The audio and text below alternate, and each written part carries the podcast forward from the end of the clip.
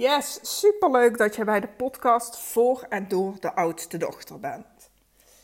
Dit is een podcast um, waarin ik je mee wil nemen in deels mijn afspraak van gisteren, het inzicht wat ik kreeg en de praktische oefening die daaruit kwam. En die wil ik graag met je delen. Nou, waar was ik gisteren?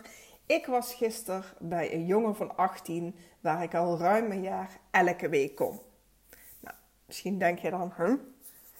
Uh, en misschien weet je het wel. Maar ik zal heel even korte side note. Uh, toen ik mijn baan opzij um, binnen de hulpverlening, toen ging dat als een lopend vuurtje door Eindhoven heen. En toen kreeg ik vanuit meerdere organisaties de vraag: Hey Monique, klopt het? Uh, heb jij ontslag genomen? Ga je voor jezelf beginnen? Heb je geen interesse om bij ons als ZZP'er te komen werken? Nou goed, ik had niet zomaar mijn baan opgezegd. Dus ik ging niet bij de eerste de beste organisatie werken. Maar er benaderde ook een organisatie mij waar ik eigenlijk al bijna tien jaar ontzettend fijn mee samenwerkte.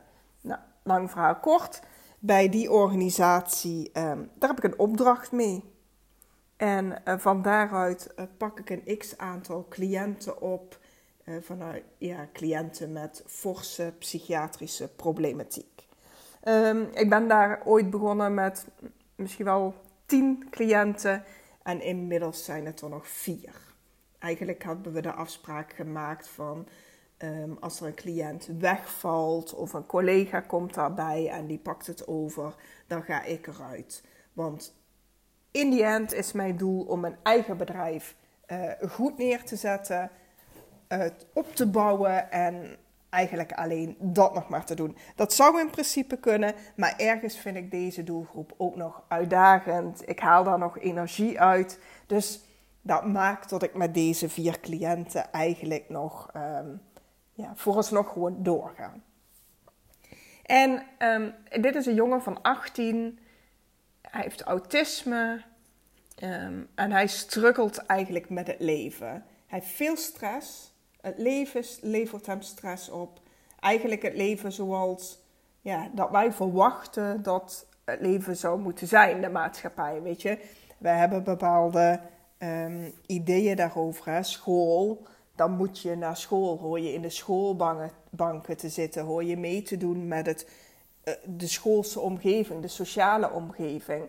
Nou, bijvoorbeeld wat COVID geleerd heeft, of de afgelopen twee jaar, is dat deze jongen veel beter gaat op online onderwijs. Weg van alle prikkels. Um, dus, nou ja, goed, weet je. Dus daarin hebben wij als maatschappij hebben wij regels, afspraken waarvan we vinden, zo moet het en zo doen we het. Dat vind ik jammer. Ik vind het jammer dat we niet out of the box kunnen denken, veel vaker en veel meer. Maar goed, dus deze jongen die kampt eigenlijk met stress. En sinds kort heeft hij een, sporthorloge en dat geeft hem veel inzicht. Het geeft hem inzicht over zijn stressniveau. Het geeft hem inzicht over zijn body battery. Het geeft hem inzicht op slaapscores. Eigenlijk nog veel meer, maar deze drie zijn wel de belangrijkste. En gisteren sprak ik hem en zei ja Monique, het is wel echt confronterend. Nou ja, goed, wat je eigenlijk zag is vanaf het moment dat hij opstond, dat hij zijn ogen openmaakte, had hij stress.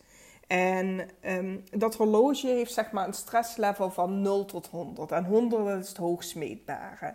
En bij deze jongen was vanaf dat hij opstond totdat hij in slaap gevallen was, want zelfs in, in zijn slaap ging dat nog door, had hij hoge stressscores. Dus 75 plus, zeg maar. De hele dag. Um, doordat hij inderdaad zo hoog in zijn stressniveau zat, was eigenlijk zijn body battery was één dalende lijn omlaag. Um, en op het einde van de dag was daar niet veel meer van over. Zijn voordeel was dat zijn slaapscores goed waren. Hij sliep goed. Dat maakte tot zijn body battery, zeg maar tijdens de nacht, wel behoorlijk, tot behoorlijk hoog weer op kon laden. Dat, was, dat is echt zijn voordeel. Maar daardoor kan hij het volhouden. Um, maar goed, in de, op het moment dat hij wakker werd, nou, dan schiet dus zijn stress al zo omhoog. Uh, en dat blijft de hele dag. En eigenlijk zeg maar dat horloge, dat heeft inzicht gegeven in, ja, dat is ook wel de realiteit. Dat verklaart ook wel waarom dat ik me zo voel. Maar hij snapt het niet, want hij zei, weet je, ik heb zoveel dingen geleerd en al die dingen die implementeer ik. Dus bijvoorbeeld op een dag heeft hij rustmomenten. Momenten waar die prikkelarm zijn, waarin geen prikkels zitten. Maar als je keek naar zijn horloge, dan leverde die rustmomenten evengoed stress op. Tijdens die rustmomenten piekte zijn stress. En um, heel af en toe bleef zijn stressniveau even een half uurtje gelijk. Maar dat kwam eigenlijk bijna nauwelijks voor. En hij zei tegen mij: Ja, dan ben ik eigenlijk al blij als die heel eventjes hetzelfde blijft. En out of the blue, inderdaad, vroeg ik aan hem: Hey, was het jouw ademhaling? En hij keek me een beetje raar aan.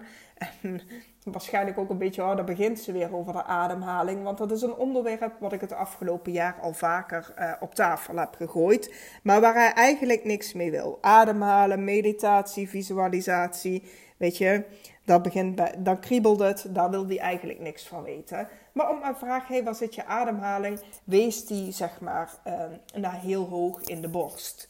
Dus toen wist ik al van, hey, zijn ademhaling zit heel hoog die zit waarschijnlijk ook heel erg hoog op het moment dat hij zijn rustmoment pakt en een luisterboek aan het lezen is. Luisteren is, lezen, luisteren bedoel ik.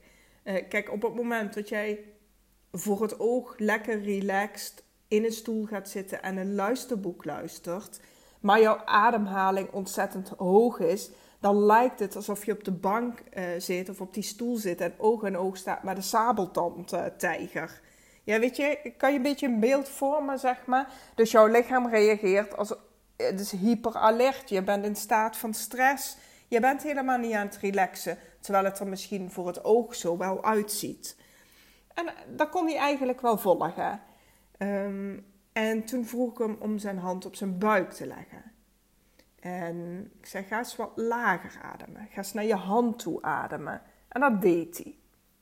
En hij merkte ook direct inderdaad door zijn hand op zijn buik te leggen, dat het hem veel makkelijker lukte om dieper te ademen.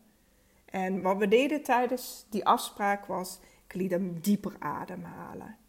Ik liet hem vertragen in zijn ademhaling. Ik liet hem langer uitademen dan inademen. En eigenlijk, eerder stond hij er niet voor open, maar gisteren was anders. En ik leerde hem de 4-7-8 ademhaling. En het mooie was dat die ademhalingsoefening ook in zijn horloge stond. En die ademhalingsoefening, die wil ik eigenlijk met jou delen. Wat je doet, is dat je je tong plaatst tegen je gehemelte. Dan adem je vier tellen in door je neus. Je houdt je adem zeven tellen vast. En je ademt acht tellen uit door je mond. En het mag echt wel met een zuchtgeluid gaan. Zo. En het voelt misschien een beetje onnatuurlijk of overdreven. Maar dat, ja, doe dat maar gewoon. En dit doe je vier rondes. Dus vier, tong tegen je gehemelte. Vier tellen in. Zeven tellen vasthouden. En uitademen door je mond. Acht tellen. En dat vier rondes. En ik wil jou vragen om daarmee te gaan spelen. Om, om ook eens te kijken van, hé, hey, wat levert mij dat op? En het is trouwens een hele mooie oefening. Eh, die hij is heel makkelijk. Je kan hem overal doen. Ten alle tijden. En dat maakt deze oefening mooi. En het heeft eigenlijk direct resultaat. Dus ik wil je uitdagen, ga deze oefening eens doen en voel eens wat dat met jou doet. En eh, om het verhaal af te maken, en daarmee sluit ik dan eigenlijk ook mijn podcast af, is ehm, wat ik bij deze jongen doe. Ik heb ook nog altijd contact met zijn ouders. En ehm, dan stel ik ze ook altijd even op de hoogte van een aantal ja, bullet points, highlights van die afspraak. Ehm, en toen kreeg ik terug van hij heeft de ademhalingsoefening net gedaan en hij kwam eigenlijk heel enthousiast naar beneden, want hij zag op zijn horloge en zijn telefoon dat die ademhaling ervoor gezorgd had dat zijn stressniveau omlaag ging tijdens die oefening. Dus dat maakt, dus daar ben ik heel blij mee, Want ik was eigenlijk er ook nog op gaan zitten van... hé, hey, dat is trainen. Dat hoeft niet meteen resultaat te laten zien. Maar uh, toen dat dus wel het geval was, was ik natuurlijk hartstikke blij. Want dit is voor hem dus ook iets waarvan hij zegt: ja hier, ja, hier ga ik mee door. Dit ga ik trainen, dit ga ik oefenen, dit ga ik vaker doen. En toen dacht ik weer, toen ik dat appje kreeg, weet je, ja, wauw. En dit is wat ademhaling doet. En jij hoeft niet een half uur ademhalingsoefeningen te gaan doen. Dat mag. Weet je, je mag breathwork doen. Heb ik ook gedaan. Super tof, super waardevol, mega interessant. Maar soms met een hele korte ademhalingsoefening, ja, dat kan al zoveel effect um, geven. Want bijvoorbeeld nu heb ik het over de 4-7-8 ademhaling. Wat ik zelf wel eens doe, bijvoorbeeld als ik een afspraak eh, heb gehad en ik merk toch dat mijn ademhaling wat hoger zit. Ja, dan adem ik gewoon een aantal keren heel diep weet je, dan vertraag ik. Dan doe ik nog niet eens eens per se 4, 7, 8. Maar ik zorg dat ik naar mijn buik ga ademhalen. Of ik zorg dat mijn uitademingen langer worden als mijn inademingen. En zo kan je spelen met ademhaling. En zo kan je uh, hele mini, hele korte pauzes pakken. Die heel efficiënt zijn op, uh, op je stressniveau. Weet je, we roepen vaak van, oh ja, maar ik heb allemaal geen tijd en ik heb druk. En deze oefening kan je tijdens je werk doen. Heel even stoppen, heel even ademhalen. En die mini-break, ja, dat heeft gewoon al effect. Dus ik wil jou uitdagen, ga deze week eens ademhalen. Doe wat goed voelt bij jou. Mogen lange ademhalingen zijn, korte ademhalingen. Dat kan deze 4, 7, 8 ademhaling zijn. Maar ga spelen daarmee. En laat me dan alsjeblieft weten uh, wat het jou opgeleverd heeft. Wat je voelde, wat je ervaarde. Ja, dat vind ik leuk om te horen. En dat kan je doen uh, door mij een DM te sturen op Instagram. En daar ben ik te vinden op MJ Coached. Of uh, stuur me een mailtje, Monique. En Monique is op de Franse manier, dus met I-Q-U-E.